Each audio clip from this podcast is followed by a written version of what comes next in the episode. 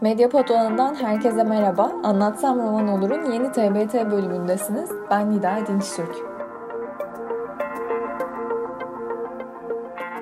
Bu TBT bölümünde Gazete Duvar'da 25 Ağustos 2016'da bir kısmı yazılı olarak yayınlanan Gündüz Vassaf söyleşisini dinleyeceksiniz.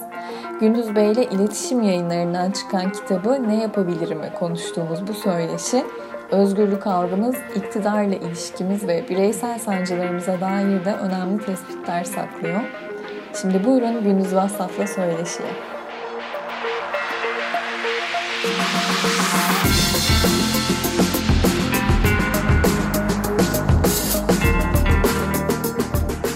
Kitabın ön sözünde kötümserliğe kapıldıkça değişimin ertelendiğini söylüyorsunuz. Ee, sizce bu bizdeki değişim gücünü zayıflatan, baskılatan, bizi bu kötümserliğe iten o habis hastalık ne ki? Bunu yaşıyoruz. İşte David Hume galiba felsefeci galiba onun onun sözü. Aslında bütün güç tarih boyunca bütün güç hep yönetilende olmuş hı hı. diyor. Çünkü çoğunluk onlar. Yani ister işçi, ister köylü, ister kadın, ister çocuk. Çoğunluk onlar. Fakat iki şey var. Bir, şiddet kullanma hakkı her zaman yönetende ve hakkı var şiddet kullanmaya. Evet. Yani ister Tanrı'nın gölgesini temsil eden padişah, imparator vesaire ve onların temsilcileri, sadr azamlar, papazlar vesaire olsun. Yani Tanrı adına, kral adına, devlet adına bugün de işte şiddet kullanmaya hakları var. Bir o bizi kötümser kılıyor. Bir şey değişemez. Çünkü değiştirmeye çalışanların başına gelene bak. Yani ister işte son örneği Türkiye'de Gezi'de yani Türkiye'deki son örneği. Bir o var. Bir genellikle bu değişim gücü de veya bir şeyin değiş haksızlığa isyan daha doğrusu çocuklardan geliyor. Çünkü 4 5 6 yaşında çocuk haksızlığa isyan ediyor. Görüyor çünkü haksızlığı. Ve bir haksızlığa karşı bir pazarlığı, bir çıkarı da yok. Yani apaçık belirtiyor haksızlığı. İşte uykusu yok, annesi yat diyor. Evet. E bu haksızlık, uykum yoksa niçin yatıyorum? İsyan ediyor. En basit şeylere en temel şeylere isyan edebiliyor. Ama çocuktaki o isyan da annesi babası tarafından bastırılıyor. Çocuk büyüdükçe daha da çok bastırılıyor. İlk önce anneye babaya uyum sağlasın diye bastırılıyor. Ondan sonra yakın mahalleye, öğretmene, hocaya, papaza uyum sağlasın diye. Ondan sonra polise, ondan sonra işte milletvekiline, devlet başkanına falan hep o kötüm şey değiştirme şey bastırılıyor. Bak başına ne gelir işte kurt seni kapar. O kurt da devlet de olabilir. Aman dikkat et yabancılarla konuşma dediği yabancı da olabilir. Dolayısıyla başıma kötü şeyler gelebilir. Haktan yana çıkarsam başıma iyi şeyler değil kötü şeyler gelebilir düşüncesiyle türümüz hep böyle gelmiş gitmiş. O da bizi kötümserliğe itiyor tabii ki. Yani kötümser insan onun için dünyayı hiçbir zaman hı hı. değiştiremez. İsyan edebilir belki. İsyan edebilir ancak şiddet bir eve gelince veya haksızlık bir eve gelince isyan edebilir. Ama o kötümserlikle yeni bir dünya asla kuramaz. Çünkü isyanı intikam üzerine kurulmuştur. Öfke üzerine kurulmuştur.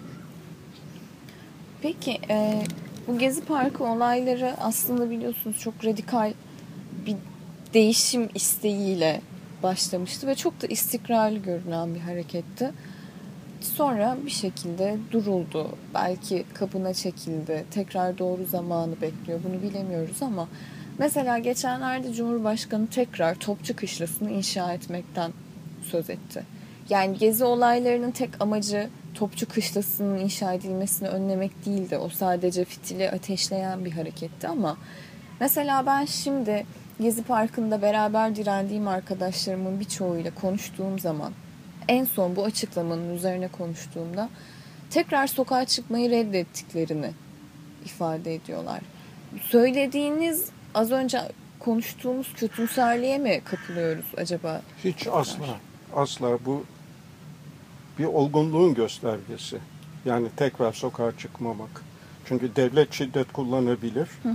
ve devlet şiddet kullandıkça ki sokağa çıkmayı bekliyordur. Devlet aklından geçebilir en son sokağa çıktılar gene çıkarlar diye. Devlet kendisini şiddet kullanmaya, kendi halkına karşı şiddet kullanmaya mecbur kaldığını hisseden devlet zaten en zayıf devlettir. Çünkü son çaresi kendi vatandaşına karşı silahla yürümek, onu öldürmek, kör etmek. Son silahı. Onu da kullanmasa gitti demektir. İktidarı kalma demektir. Yani silah kullanmak iktidarsızlığın bir ifadesi. Aslında iktidarı inandırıcılığını yitirdiğinin bir ifadesi. E şimdi devletin şiddet kullanacağı belli. Kullanmış bir defa Evet. ve inat ediyor, üstüne gidiyor. E Ben devlete karşı değil, kimseye karşı şiddet kullanmak istemiyorum. Gezi'nin felsefesi o. Gezi'nin felsefesi şiddet değil. İlk önce ağaç sevgisi üzerine kuruluydu. O zaman sokağa çıkmamakla sevgiyi korumuş oluyor. Siyasetten veya geziyi korumaktan vazgeçmiş olmuyor. Gezi'de alt tarafı bir tane park zaten 500 metrekarede bir tane park 50 tane de ağaç. Ama karşı gelmek yani geziden yana çıkıp devlet şiddetine maruz kalmak kim bilir kaç kişinin daha devlet tarafından kör edilmesi, öldürülmesi demek. Bu çok olgun bir karar. Evet. Çıkmamak. Karşı çıkmamak yani burada. Yenilgiyi kabul etmek değil, sevgiyi yaşatabileceği alanları kollamak demek. Yoksa gezi bitmedi bilakis daha gezi nerelerde ne çok farklı yerlerde çıkacak. Siz bu olaylar patlak verdiğinde şaşırmış mıydınız yoksa zaten bir gün böyle bir şey olacağını bekliyor Hiç şaşırmadım. Peki.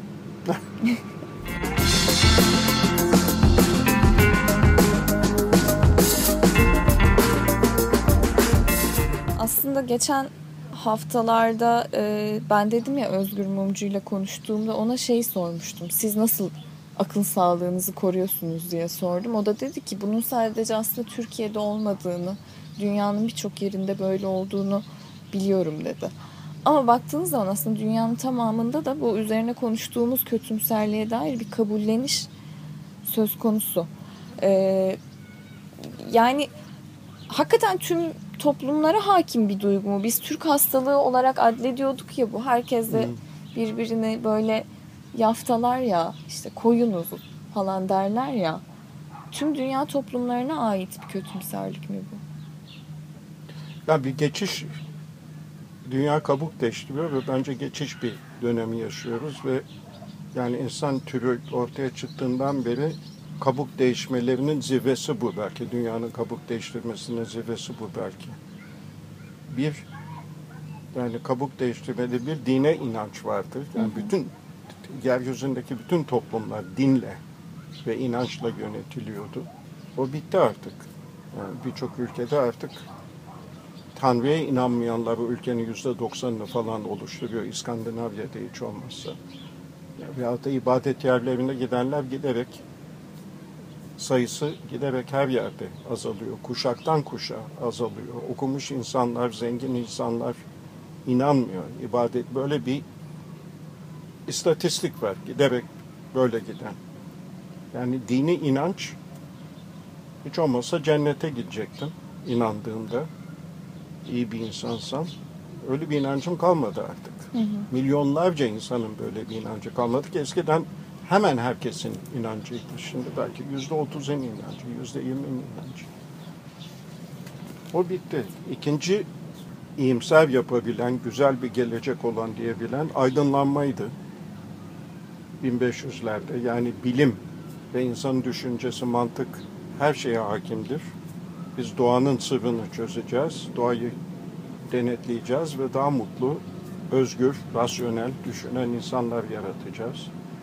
O da sarsıldı çünkü bilimin, o Leonardo'nun büyük düşlerinin ki silah sanayide de Leonardo yardım ediyordu zaten kötüye kullanabileceği yani insana karşı doğaya karşı kullanabileceğini artık hepimiz biliyoruz. Onda doruk noktası zaten şeydi Hiroşima'ydı. Dolayısıyla aydınlanmaya da inanç bitti. Yani pozitif bilimler dediğimiz şeyler de bir din gibi oldu. Yani bilimle her şey değil. Cumhuriyetin temelinde mesela bilim var. Rasyonel Fransız'dan da daha çok. Yani Türkiye Cumhuriyeti'nin özellikle Türkiye, Sovyetler falan değil, bilim. En hakiki mürşit işte Atatürk'ün sözü. Ama her yerde bilime de inanç. Eskisi gibi yok. Aydınlanmadık olduğu gibi hiç yok. Yüzyılın başında olduğu gibi, 20. yüzyılın başında olduğu gibi hiç yok. O inanç da gitti. Demokrasi giderek yalan üzerine kurulu olduğu demokrasinin yani devlet başkanlarının, parlamentoların çıkardıkları savaşlarla ayyuka çıktı. Artık devletin bir ciddiyeti kalmadı. Yani hiçbir yerde güvenilmiyor artık devlete. Yani anketler bunu gösteriyor.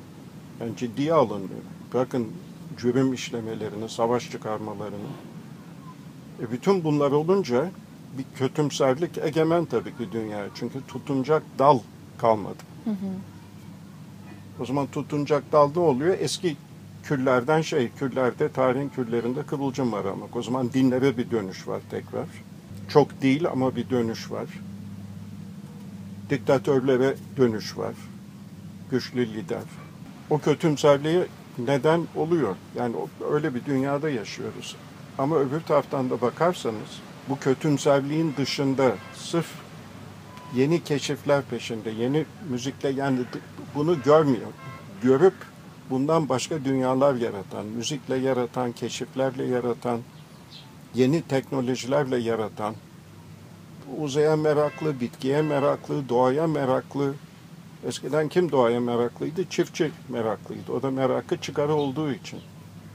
Şimdi hiç şehirdeki insan doğayı keşfediyor. Doğaya gitmese bile okuyarak keşfediyor. Bitkilerin bırakın nasıl yaşadığını, nasıl dayanışma içinde olduğunu, bitkilerin de bir yaşam kavgası verdiğini ve dayanıştığını birbirleriyle görüyor okudukça.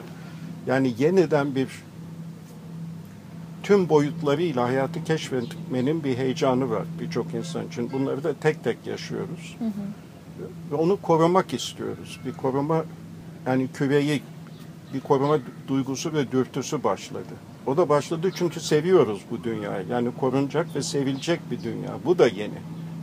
Eskiden dünyayı çivi çakıyorduk. Sevmiyorduk, dünyayı kullanmaya çalışıyorduk. Şimdi artık dünyanın hassas bir şey olduğunu ve sevgiyle, yaşam sevgisiyle yaş. Bunlar hep iyimser şeyler. Bu dönüşümde yeni yeni oluşan şeyler bunlar. Yani yeşil hareketin çıkması, çevre hareketin çıkması daha kaç? 1960'larda falan tek bir kitapla başladı. Silent Spring diye. E, hep iyi geldik şimdi. Yani şaka maka değil. Devletler bile çevreyi kirleten, pisleten devletler bile çevreyi koruyalım diye hiç olmasa imza atmaya başladılar uygulamayacakları anlaşmaları. Yani kısa zamanda aslında çok şey yani bu kötümserliğin uzun bir geçmişi var. Birikimi var bugünkü kötümserliği getiren. Ama buradan da müthiş bir yeni dünyaya doğru özellikle yeni kuşaklarda bir açılış var. Yeni pencereler açılıyor. Ve sevgiyle açılıyor bunlar. Onun için de Gezi bir sevgi hareketiydi. Sadece koruma hareketi değil, sevgiyle koruma hareketiydi. Ee, peki e, şimdi siz diyorsunuz ya mesela dinlerin yerini artık iktidarlar alıyor. Peki biraz da... Dinlerin yerini? iktidarlar alıyor biraz yavaş yavaş. Aslında diktatörler ya da bunlara Hı-hı. ihtiyaç... Yok, din, işte dini kullanan iktidarlar oluyor. Hı-hı. Bunu acaba biraz da biz mi yaratıyoruz? Biz mi buna paye veriyoruz toplum olarak? Yani çünkü aslında şimdi baktığınız zaman Türkiye şöyle bir gerçekle karşı karşıya. Ee, burada komşusu bir hata ettiğinde savunması yanlışlıkla yaptım affedersin olsa dahi tartışmayı sürdüren ya da komşusuna şiddet uygulayan adamlar e, şu an yöneticileri terör örgütü ilan ettikleri bir cemaatle çok uzun yıllar kol kolalarken dönüp safmışız, kandırılmışız dediklerinde hemen kabul ediyorlar. Hı hı. Böyle bir kabullenişle, böyle bir olur öyle demekle biz mi aslında buna paye veriyoruz? Yani paydan kastım bir korku toplumu bir defa burası. Korku toplumu birkaç nedenle sadece devletin elinde silah olduğu için değil her devletin elinde silah var. İsveç devletinde var, İzlanda'da var. Fakat kurumların çalışmadığı bir toplum. Yani hukukun çalışmadığı bir toplum, torpilin çalıştığı bir toplum. Onun için her hareketimizde kimle tanışırsak tanışalım, kurumlara güvenmediğimiz için, hukuka güvenmediğimiz için bu insana benim ihtiyacım olabilir diye düşünüyoruz. Bir çıkarım olabilir, bir dara düşersem bu insan bana yardımcı olabilir. Veya en azından beni ihbar etmez. Çünkü çok ihbarlar Doğru. yaşadı Cumhuriyet Türkiye'si Osmanlı'da. Onun için kimle tanışırsak tanışalım bir defa ilkeler sıfır. Sevgi sıfır. Hep çıkarcı ve faydacı bir ilişkiler silsilesi içindeyiz. Onun için de bu örgüt mensubuymuş tamam o zaman kuvvetli bir örgüt var. Benim bir aman onu korkutmayayım hatta bana faydası da olabilir bir örgütün güçlü bir örgütte üstelik. O örgütü başka bir örgüt yıkıyorsa o zaman ben tabii ki bu yeni örgütten yana olup bu örgüte karşı çıkacağım. Ama bu korkumdan yani güven hissetmediğimden, güvensiz bir toplumda yaşadığımdan, ilkesiz olmam ve çıkarcı olmamdan ötürü. Niçin ilkesiz ve çıkarcıyım? Çünkü işimi kaybetmekten korkuyorum. Çocukların başına bir şey gelmesinden korkuyorum. Benden ötürü ah benim adım bir şey çıkarsa okuldaki çocuğun öğretmeni de o çocuğu sınıfta bırakacak. Bunlar oldu çünkü Türkiye'de. İşte bilmem Demokrat Partisi devrildiğinde e, o, o partiye mensup olduğu bilinen çocuklar okullardan çok acı çektiler. Vatan haini diye. Anneniz babanız vatan. Neyse korku toplumda bunlar doğal şeyler. Korku ve şey kurumları gelişmemiş toplumlarda. Türkiye'de de ne kadar parlamentolar işte hukuk konuları hep kağıt üstünde kalmış.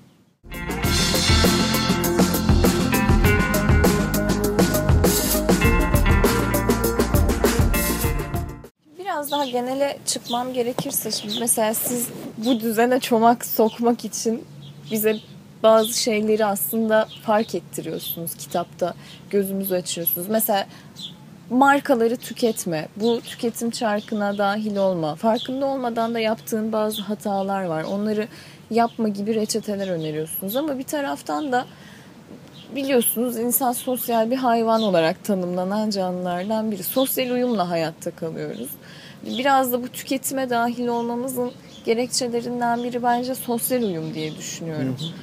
Buna karşı koymak çok güç. Siz bunun için ne öneriyorsunuz? Mesela ne söyleyebilirsiniz? Nasıl bunun karşısında durabiliriz? İşte yani arkadaşımız yeni bir gömlek aldığı zaman böyle bir marka olduğu zaman onu belki tartışmaya açmak. Yani niçin yakışıyor demek yerine sana çok yakışmış. Kaça aldın? Nereden aldın? diye sormak yerine.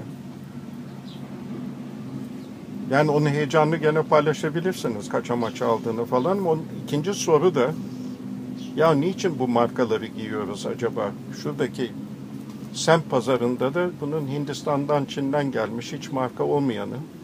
Üstelik senin gözünün rengine, saçının bilmem nesine yakışacak olan da onda bir fiyatına var. Niçin acaba semt pazarından almıyoruz? diye de bir tartışma açabiliriz. Onu yapmıyoruz. Sadece şeyde kalıyoruz. Gene o işbirlikçilikte kalıyoruz. Ve o kadar da aptal değiliz. Marka peşinde koştuğumuzu artık tüketici biliyor. Milyonlarca dolar reklam harcandığını bunun için, yalan söylendiğini bunu biliyoruz. Kitabın bir yerinde şöyle bir cümle benim çok dikkatimi çekti. Vicdan susturmak için dostlar alışverişte görsün türünden imza kampanyaları eylem gücünü iyi diş eder diyorsunuz. Ama bir taraftan da aslında sosyal medyanın e, bu gençliği, bu dünyayı ayağa kaldırabilecek ipek yollarından birisi olduğunu da ima ediyorsunuz bir başka bölümde. Ama aslında bence sosyal medyayla bu dostlar alışverişte görsün aktivistliği çok köpürdü. Bu biraz çelişkili bir durum değil mi? Siz nasıl düşünüyorsunuz sosyal medya kullanımını ve bu aktivistliği nasıl yorumluyorsunuz? İşte ya basit cevabı şey yani bıçakla adam da öldürürsün, elma da soyabilirsin. Ya basit cevabı o. Fakat bir eylem tüketimi var sosyal medya üzerinden. Yani bir vicdan temizlememiz var. İşte geçenlerde film festivalindeydim Sarayova'da daha geçen hafta. E, filmlerin çoğu bağımsız filmciler bunlar. Güçlükle para bulan filmleri için. Çünkü Hollywood satışı değil, reklam şey falan filan değil ve vicdan filmleri. Bu şeydeki mesela Kosova'da işte Bosna'da Müslümanları yapılan katliamlar, toplu mezarlar, ırza geçmeler falan onlar üzerine de filmler yapılıyor. Yapılmış. Ve onları seyreden suçlu hissediyor kendisini. Ya bunu da bilmiyordum, bu kadarı da olmaz diye. Yani hı hı. çıktığımız zaman bir ben suçlanmış olarak çıkıyorum. Bunu da bilmiyordum. Nasıl sessiz kaldım buna? Ya dünya nasıl sessiz kaldı diye. Bir de kötümser çıkıyorum. Çünkü bütün bunlar yapılmış ve sessiz kalmışım. Hem suçluyum hem de kötümserim. Ve o zaman orada kalıyorum ben. Ve daha kaç tane katliamı bilmem lazım ki bilinçlenmiş olayım dünyada kötü şeyler olduğuna zaten biliyorum. Yani binlerce yıldır haksız savaşlar, haklılık adına haksız savaşlar. Hep artık daha yeni filmlere mi ihtiyacım var bunları öğrenmek, bilmek için? Ve Bosna'yı öğrendim. Habeşistan'da ne olduğunu biliyor muyum? Hindistan'da, Kongo'da ne olduğunu biliyor muyum? Orada da insan hakları ihlal ediliyor. Çocukların ırzına geçiliyor. İnsanlar kaçırılıyor. Organ yani her yerde bir şey var. Bunun hepsinin dokumenter filmini yapsak ve yüzümüze daha bilinçlenmeyeceğiz artık. Ama bu insan hakları sanayinde ki sanayiye dönüştü artık. Para kazanılmayan bir sanayiye dönüştü. Hatta vicdan sanayi diyebilirim. Bu insan insanı yaptığı kötülükleri anlatmakla, keşfetmekle yetiniyoruz. Oradan daha mutlu çıkmıyoruz o filmlerden. Ya ikinci sorusu bunu biliyoruz artık. Yani o filmden bir şey çıkacaksa direnenlerin filmi çıksın hiç olmazsa. Irzana geçilirken de direnen çıksın ki bileyim ben bunu bu gücü kendimde olduğumu göreyim. Var bende. Ama onu unutturuyorlar tamamen. Direnme gücünü unutturuyorlar. Ve bize düşmanın gücünü gösteriyorlar. E, düşman zaten güçlü. Yani düşman propagandasına dönüşmüş oluyor. Düşmanın gücünü göstermek. Çaresizliğimizi göstermek. Yani burada bir edilgenleştiriyoruz kendimize şey yaparak. Dünyanın ne kadar kötü olduğunu birbirimize anlatarak ve ağlayarak ve dertleşerek edilgenleşiyoruz. O zaman şeyin hiç silaha da ihtiyacı yok bizi öldürmek isteyenlerin, ezmek isteyenlerin, düşüncelerimizi susturmak isteyenlerin. Biz o işi zaten yapıyoruz. Hatta şöyle bir örnek vereyim size, daha komik bir örnek. İşte Stalin döneminde sınırlı sayıda telefon var Moskova'da ve herkes biliyor ki telefonu dinleniyor hı hı. devlet tarafından. Onun için de telefonda fazla konuşmuyorlar.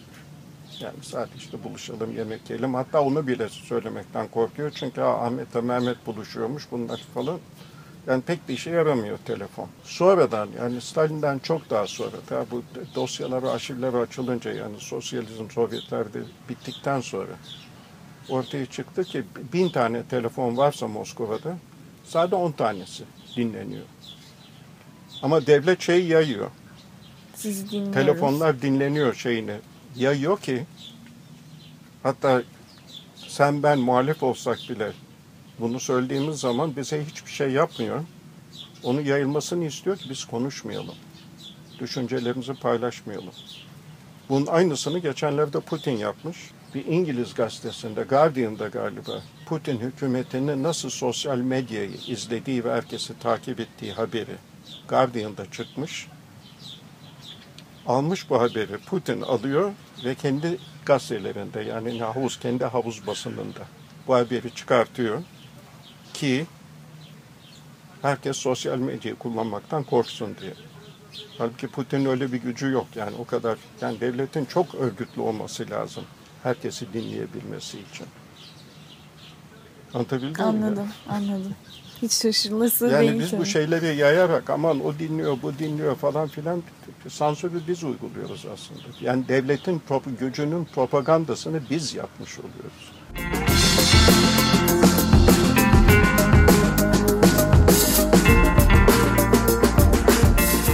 Peki Gündüz Bey, şimdi mesela aslında dünyanın birçok yerinde galiba böyle gazetecilik o kadar itibarsızlaştırılan bir mesleğe dönüştü ki değişimi başlatmaya kalkıştığımız zaman artık bu gibi haberler de gazetelerde çıktığında çok itibar etmiyoruz. İnsanlar birbirlerinden nasıl haber alacaklar, nasıl bir güdüyle bir araya gelecekler, bu değişimi başlatabilecekler, nasıl bir kanala ihtiyacımız var ya da. O olmayacak zaten de dünya haberlerini izlemek, işte bu haber ajanslarından, televizyondan, ülke haberleri bu tek merkezden haber yani. O bitti artık. Yani o haber beni, çoğu beni ilgilendirmiyor zaten. Herkesin ilgilendiği haberler farklı. O ülkede de yani zelzele belki, doğal afet falan ama o zaten olduğu zaman onu kendi bölgemizde görüyoruz. Yani şey bitti mesela. Televizyonun ilk yaygın şekilde geliştiği ve televizyon haberciliğin ABD'de e şimdi akşam televizyon haberlerini seyredenler 70 yaş üstü. 60-70 yaş üstü. Başka kimse seyretmiyor. Doğru. Onu da nereden biliyoruz? Reklamlardan biliyoruz. Ee, yaşlılarda hangi hastalıklar varsa o ilaç şirketlerinin reklamları sayesinde akşam haberleri. Özellikle sosyal medya üzerinden artık o kadar çok herkesin kendi ilgilendiği dünyalara ait haberler paylaşılıyor ki merkez haberin hiçbir hiçbir anlamı zaten yalan olduğunu biliyoruz. Ee, veyahut eksik verildiğini biliyoruz. Veyahut bizi yönlendirmek için verildiğini biliyoruz. Yani bilinçlendi insanlar bu konuda. Onun için bu habercilik bitti zaten ama öbür taraftan da kendi mahallemizdeki dayanışmalar giderek artıyor. Şurada bir, işte bir yeşil alana saldırı olduysa veya bir çocuğa kötü muamele yapıldıysa veya bir kedi ağacın üstünde duruyor kimse indirmiyorsa mahalle örgütlenmeleri müthiş güçlenmeye başladı. Daha yeni bunlar. Yani Küba'daki komünist mahalle örgütlenmesi modeli değil. Hem devletin bir uzantısı hem de mahalle örgütlenmesi değil. Kendiliğinden oluşan şeyler bunlar. O bakımdan haberleri ve olayları biz yaratıp biz çözümlüyoruz ve bunlar haber olmuyor artık. Nasıl elimizde olan bir çatışma haber olmuyorsa artık mahallede de olmuyor. Yapıyoruz ve bitiriyoruz. Oradan yeni örgütlenmeler çıkıyor. Onun için çok apolitikleşmiyor insan haberleri artık izlemeyerek. Yani bu gidiş tabii. Daha başındayız bu işin. Ama nasıl şey yok artık. Yani sinema yıldızları hala var. Ama müzik gruplarının ömrü iki yıllık, üç yıllık. Yani Beatles bir istisna, Rolling Stones bir istisna. Beş yıl, altı yılda bir grup gidiyor, bir tanesi gidiyor. Romanlar bestseller çıktı. Her yıl bu, bu sene birisi Nobel'i alıyor. Geçen sene kimin Nobel'i aldığını unutuyoruz. Onun bir pompalaması var. Yani kalıcı isimlerin, kalıcı liderlerin, kalıcı kitapların, kalıcı müziklerin olduğu dünya da bitti artık. Her şey çok daha hızlı, çok daha geçici ve çok daha farklı kitlelere hitap eden şeyler artık. Yani tek zevk yok. Kaç tane moda var sokakta gördüğümüz zaman. Kaç tane saç biçimi var artık sokakta. Yani herkes farklı şeyleri takip ediyor. Yani farklı farklı kümeler, farklı farklı aşiretler oluştu. Kendi ilgileri doğrultusunda. Kendi ilgileri doğrultusunda. Onun için tek bir haberle, tek bir haber ajansıyla, tek bir haber programıyla kitleye, kitle denilen şey hitap etmek imkansız. Çünkü o kitle kalmadı artık. O kitle içinde milyon tane farklı kitleler var. O zaman gazetecilikte özel alanlar üzerinde uzmanlaşarak Evet, devam edecek. evet. Öyle bir evrime uğrayacak. Peki Gündüz Bey, Türkiye ile beraber dünyada her yıl antidepresan kullanımının arttığına dair haberler okuyoruz sürekli. Yani öncelikle siz bu haberlerin gerçekliğine inanıyor musunuz? Gerçekse siz bu durumu nasıl yorumluyorsunuz? Neye yoruyorsunuz? Duymamıştık. Yani depresyondan çok şikayet eden var. Yani gerçek olduğuna inanmasam da bu gerçekleştirir böyle bir haber. Çünkü ha antidepresan hapı bu da bir reklam çünkü. Yani de, antidepresan hapı Başkasına- böyle bir haber bir reklam aynı zamanda. Ha bu hap bana iyi gelir. Reklamı. Olabilir. Yani bu kötümserlikte tabii ki bu alkolizm, intihar, özellikle genç intiharlar artıyor. İşsizlikten intihar, alkolizm artıyor. Ya bu kaçınılmaz şey toplumda yani dünya kabuk değiştirirken bunlar kaçınılmaz şeyler. Ama bunlar hep düzenin Yani iflasının göstergesi. Eğer intihar artıyorsa, alkolizm artıyorsa e bu herhalde alkolün lezzetinin daha iyi olduğundan değil. Şimdi bu Temmuz'da olanlardan sonra bence e, ülke olarak artık kutuplaşmanın son noktasındayız. Görebileceğimiz son aşamaya geldik. O işte hainler mezarlığı görmüşsünüzdür mutlaka. E, çok bizim için önemli olmasına rağmen e, cenaze namazları kılınmadan defnedilen cenazeler vesaire. Bu şöyle bir dönem mi acaba? Yüzeye çıkmadan önce vurduğumuz en dip nokta olabilir mi? Yok bu dip noktalar çok oldu Türkiye'de. Yani her darbeden sonra oldu aşağı yukarı. Bu en dibi değil. Ha en dibi. İktidarın ötekiyi ne kadar kullanacağına bağlı. Yani aradan bir aya yakın zaman geçti. Evet. O hala sürüyor işte. Daha yeni isimler verilecek, bayramlar ilan ediliyor vesaire Evet. vesaire ama nereye kadar?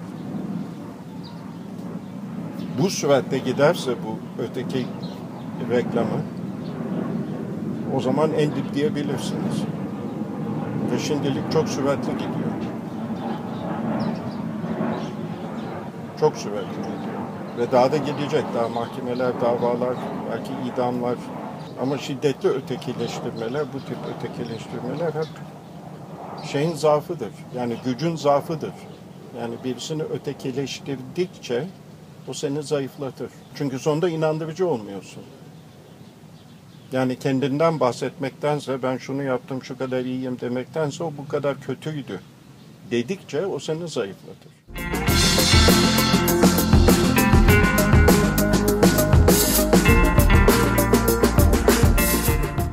Yapmalıyız sorusuna çoğunlukla alışmayacağız. Karşısında duracağız. Bir parçası olmayacağız diyorsunuz ve kendi adıma doğru yanıtlar bunlar. Evet buna katılıyorum. Fakat bu enerjiyi nasıl bulacağımızı bilmiyorum. Yani bir taraftan da uyumsuzluk çok ciddi bir sancı. Bu enerjiyi biz nasıl bulacağız? En kolay şikayet etmeyerek. Şikayeti biliyoruz zaten. En Evet. kolay şikayet etmeyerek. Çünkü şikayet eksiltiyor insanı. Yani vücudun metabolizmasını değiştiriyor. İnsanın uykusunu kaçırıyor, arkadaşlarıyla kavga ettirtiyor, iştahını kapatıyor, içinden bir şey gelmez oluyor. Şikayet bunu şey yani bir tür hastalık şikayet etmek, bir tür e, psikolojik hastalık.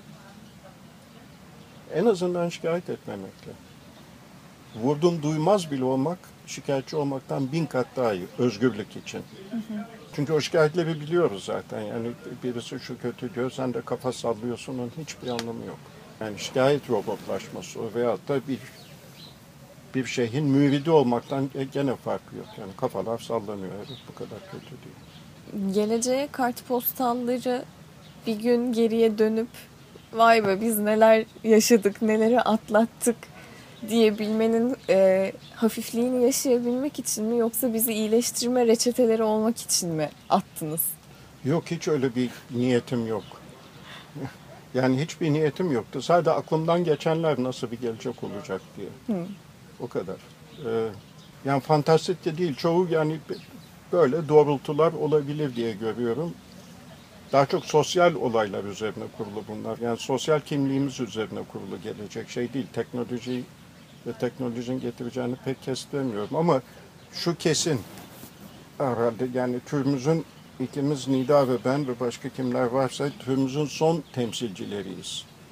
Yani ilk işte 80 yıl önce, 100 bin önce Afrika'dan yola çıkan insan türünün, yani türümüzün tarihi de daha 100 bin yıl, 110 bin yıl, yani çok genç bir türüz.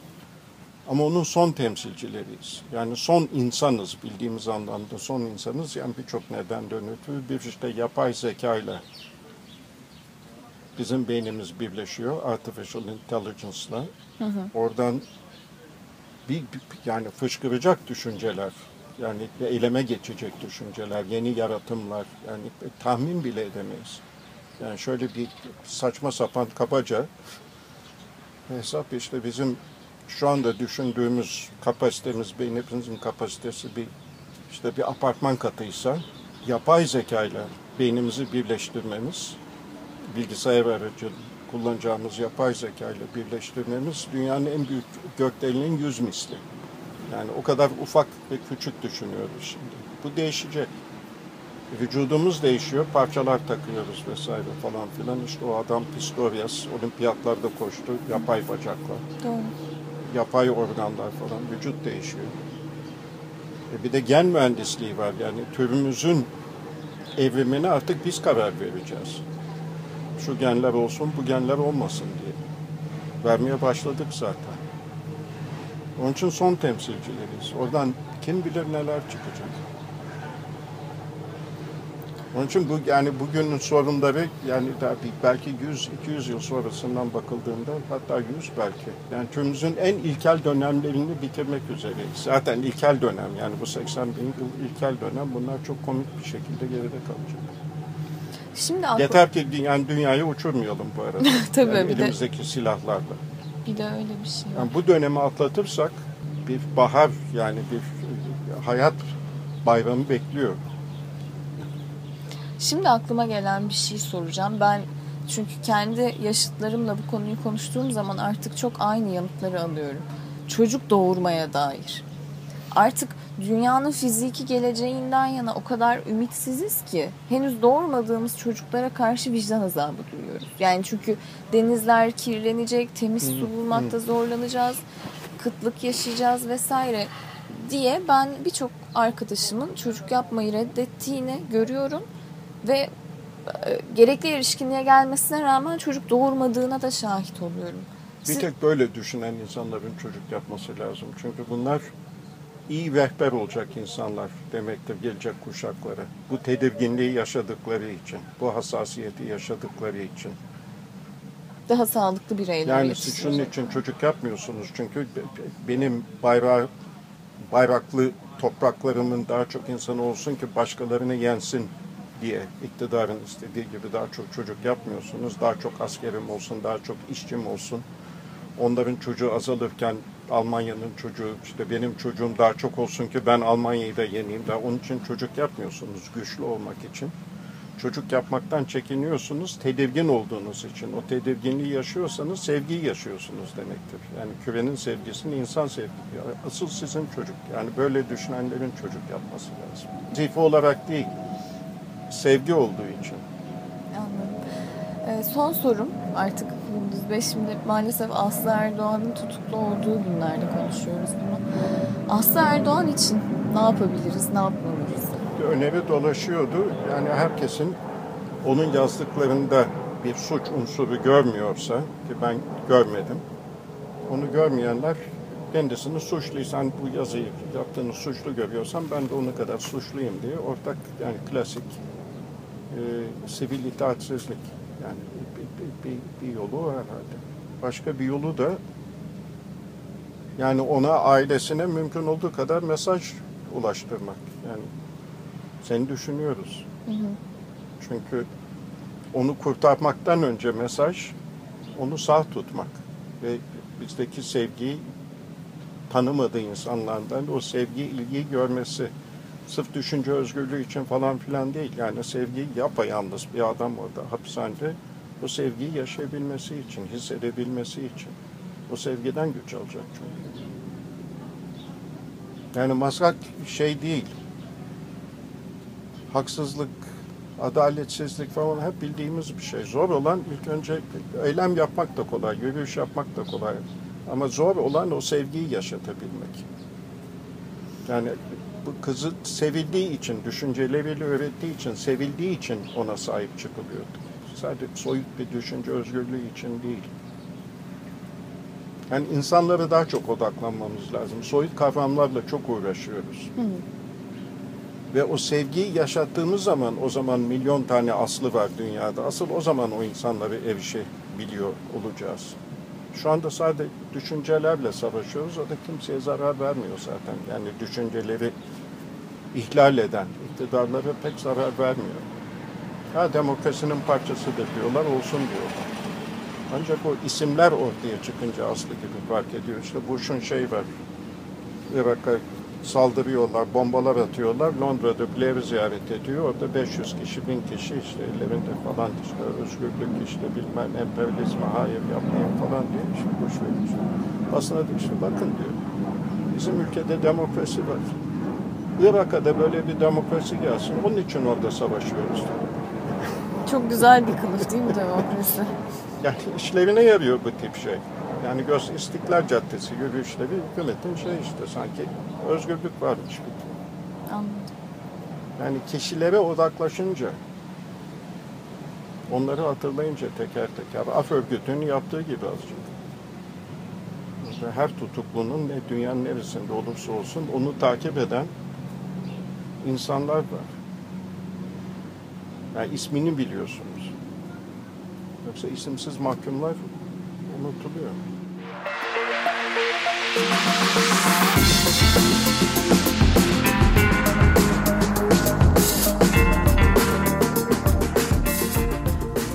dinleyenler, Anlatsam Roman Olur'da bir TBT bölümü daha sona erdi.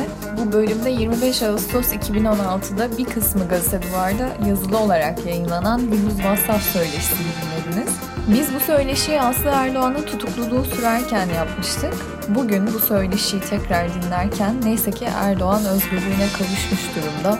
Bu vesileyle bu anma dileriz ki haksız yere tutukluluğu süren tüm tutsaklar için de bir özgürlük çağrısı olur. Eğer bu programı beğendiyseniz yine Mediapod ağında yayınlanan Haber Ekonomisi ya da Shortcast programlarını da beğenebilirsiniz. Mediapod'daki bağımsız yayınlarımızın devam etmesini istiyorsanız bizi Patreon hesabımızdan destekleyebilirsiniz. Yeni bir Anlatsam Roman Olur bölümünde buluşuncaya dek hoşçakalın.